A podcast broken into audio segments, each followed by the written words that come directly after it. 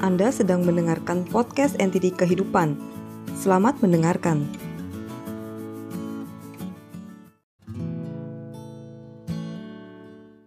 Belajar memahami perspektif orang lain. Suatu hari, ada dua orang sedang berjalan-jalan ke pegunungan. Yang satu adalah seorang negosiator bisnis, sementara satunya lagi adalah seorang tukang kayu.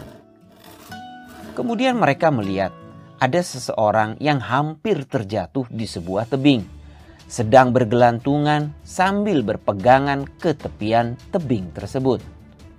Segera saja mereka bergegas menyelamatkannya.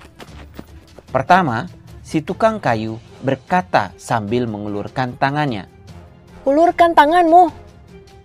Namun orang itu hanya menatapnya dengan diam dan tidak mengulurkan tangannya.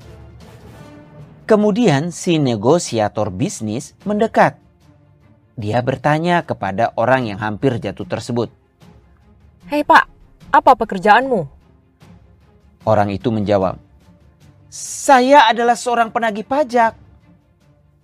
Negosiator kemudian berkata sambil mengulurkan tangannya. Ini, saya berikan tangan saya. Peganglah dengan erat.